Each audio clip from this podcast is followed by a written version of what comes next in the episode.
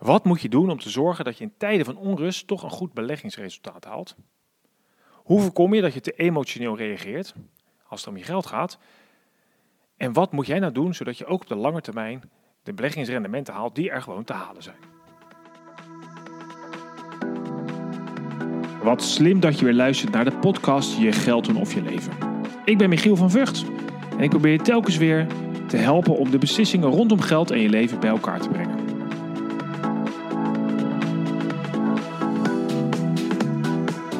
Podcast Je geld doen of je leven is mede mogelijk gemaakt door NNEK Vermogensbeheer. En voor meer informatie kijk jij op met V-U-G-T. Hier vind je artikelen, boeken, filmpjes en uiteraard alle eerder gemaakte podcasts.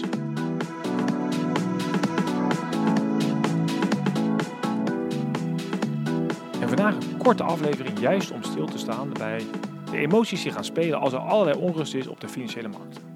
En dit kan ontstaan door coronavirus, brexit, handelsoorlogen of noem het maar op.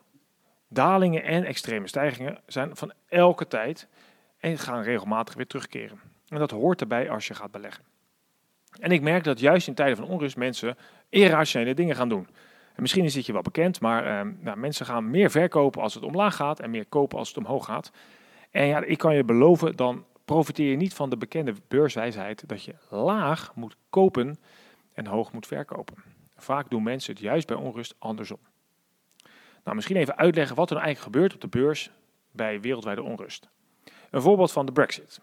De Brexit wordt bekendgemaakt, niemand had het aanzien komen en daarmee gaat de beurs ineens gierend hard omlaag. Waarom? Omdat mensen die aan het handelen zijn, professionals, maar ook uh, gewoon amateurs, die denken: hey, dit zou best eens invloed kunnen hebben op de economie, waardoor bedrijven misschien wat minder winst gaan maken. En als dat zo is, dan wordt er over nagedacht en dan gaat dat direct in de prijs van de aandelen. En als het dus ongunstig is, dan gaan de koersen omlaag. Dat zie je ook bij het coronavirus. China ligt voor een deel stil, Italië ligt voor een deel stil. Dus de economie zal daar wat afnemen en dit weerspiegelt zich direct in de prijzen van de aandelen. In dit geval gaan die dus omlaag. Maar ja, de vraag is of het terecht is hoe hard de dalingen en soms ook de stijgingen zijn. Want vaak zien we dat ook de beurs, ondanks dat het een rationeel geheel is, zeer emotioneel lijkt te reageren. Het lijkt wel bijna een persoon die ook zeer emotioneel reageert op nieuws. En zo zie je dalingen van 8, 9 procent, soms in extreme tijden. En ook stijgingen van 6, 7, 8 tot wel 10 procent op een dag. In beide gevallen zijn niet realistisch. Dus onthoud dat dit gaat gebeuren. En de vraag is natuurlijk, wat moet je hiermee doen? Het verstandigste is, in bijna alle gevallen, om niks te doen. En waarom zeg ik dit? Nou, je kunt je voorstellen dat als je uh, niks doet, dat dat gunstig is voor de toekomst. Waarom? Omdat je wel wat, als je wel wat doet, is dat vaak op een verkeerd moment.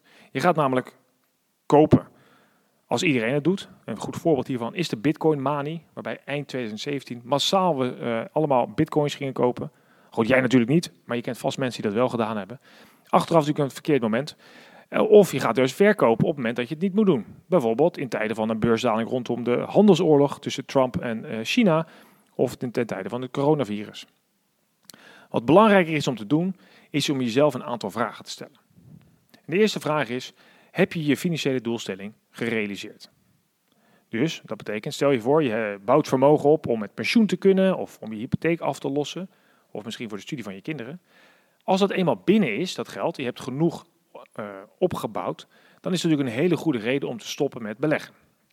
Of om te stoppen met sparen, want dan ga je uiteindelijk je doel realiseren. De tweede vraag die je goed kunt eh, afvragen of dat eh, van jou op toepassing is, is ben jij of je partner ontslagen? Als dat zo is, dan kun je me natuurlijk voorstellen dat op dat moment jouw financiële situatie er heel anders uitziet dan een paar dagen daarvoor. En dat het verstandig is om misschien wat te wijzigen in je financiële huishouding. Ditzelfde geldt natuurlijk op het moment dat jij gedwongen je huis moet verkopen door een scheiding of door allerlei andere omstandigheden, waardoor je ineens tegen je zin in of tegen je, eigenlijk je eigenlijke wens in van je huis af moet. Ook dat zou impact kunnen hebben op je financiële situatie. En de laatste is misschien wat algemener, maar het kan zomaar zijn dat je een financiële tegenslag hebt die je niet zag aankomen. Een onverwachte rekening die wat groter uitviel of een uh, lekkage. En als je dan ook geen goede buffer hebt opgebouwd, dan uh, ja, gaat dat ook een probleem worden. Maar als nou op elk van deze vragen, namelijk je doelstelling is nog niet gehaald, je bent niet ontslagen, je hoeft niet je huis te verkopen en je hebt geen onverwachte financiële tegenvallen. Als het antwoord elke keer nee is, ja, dan moet je natuurlijk niks doen. Want dan ga je veranderen op basis van emotie. Namelijk je gevoel dat er iets moet gebeuren, terwijl er eigenlijk helemaal niks hoeft te gebeuren, want je hebt nog de tijd. Het is wel logisch dat je uh, gevoel hebt dat je iets moet doen, want dat is een beetje onze natuur. Hè? Toen wij vroeger op de savanne leefden, waren we doorlopend bezig. Of we waren aan het uitrusten, en als dat niet zo was, waren we bezig met het eten zoeken of ons uh, zorgen dat we uh, wegrenden en niet werden opgegeten. Dus we hadden altijd actie nodig. Maar tegenwoordig is het niet meer zo dat je altijd maar iets moet doen om een goed resultaat te halen. En juist als het gaat om financiële beslissingen is het vaak slim om niks te doen. Om je niet gek te laten maken door emotie, maar door om slimme keuzes te maken en gewoon te blijven zitten. Zeker als het antwoord vier keer nee is. Wat ook belangrijk is om te zorgen dat je vier keer nee kunt zeggen, is met name bij die laatste vraag. Heb je een financiële tegenvaller? Om, die kun je relatief gezien heel makkelijk op nee zetten door te zorgen dat je altijd een goede buffer aanhoudt. En die buffer eh, dient twee doelen. Het eerste is nou, die onvoorziene uitgaven. Want ja, je zal maar net lekkage krijgen, of een kapotte wasmachine, of je auto komt niet door de APK. Nou, dat is dan prettig als je dat geld zo beschikbaar hebt op een spaarrekening zonder risico en dat je ook geen zorgen hoeft te maken om beursdalingen. Nu kun je erover beschikken en kun je uiteindelijk je acute probleem oplossen. Een andere slimme manier om geld opzij te zetten op een spaarrekening is voor uitgaven die je verwacht te gaan doen de komende paar jaar. Dus bijvoorbeeld een zomervakantie of een uh, bruiloft van een kind wat je, waar je aan bij wilt dragen. Of dat je weet dat je een auto hebt die, die vervangen moet worden. Ook dat geld zet je rustig opzij op een spaarrekening zonder risico, zodat je weet dat je op vakantie kunt, je dochter of zoon gewoon kunt kan gaan trouwen en dat je die auto kunt vervangen. En als dat op orde is, heb je heel veel financiële rust en hoef je dus ook niet heel de tijd naar je belegging te kijken.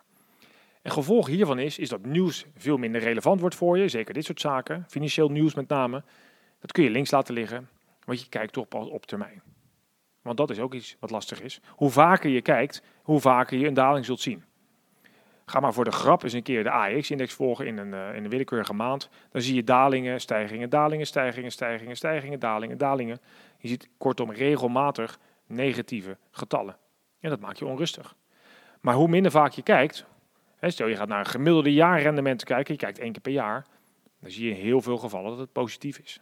Geef je dus veel meer rust. En die rust krijg je op het moment dat je je financiële huishouding, huishouden goed op orde hebt.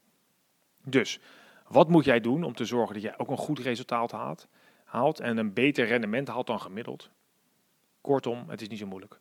Zet geld opzij voor onvoorziene en voorziene uitgaven op de korte termijn en laat het geld wat je over hebt renderen op de lange termijn. Accepteer het risico dat erbij hoort, want een hoger rendement betekent een hoger risico dus je moet accepteren dat daar ook dalingen bij horen, tot soms wel 20, 30, misschien zelfs 40 procent als je echt pech hebt. Maar als je dat aan kunt, dan heb je waarschijnlijk ook de tijd. Want bij een min 40, min 30, dan heb je misschien nog wel 15 tot 20 jaar te gaan. Dan komt het bijna altijd wel weer goed. In het verleden is het altijd goed gekomen en uiteraard in het verleden behaalde resultaten bieden geen garantie voor de toekomst. Maar eigenlijk is er geen reden om te verwachten dat het nu anders is. Zorg voor rust en voor lange termijn. Kijk niet te veel.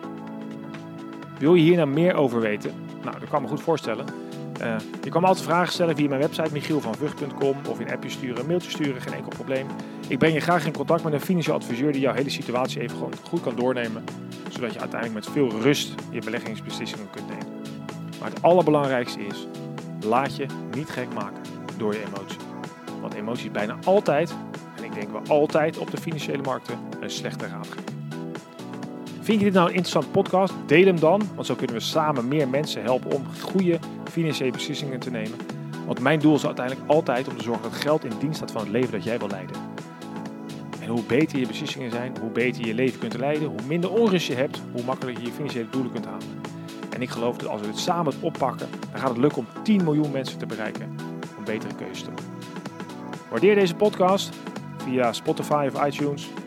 Geef een 5 sterren of minder. Heb je een leuke gast? Laat het weten. Ik dank je wel voor het luisteren en tot snel.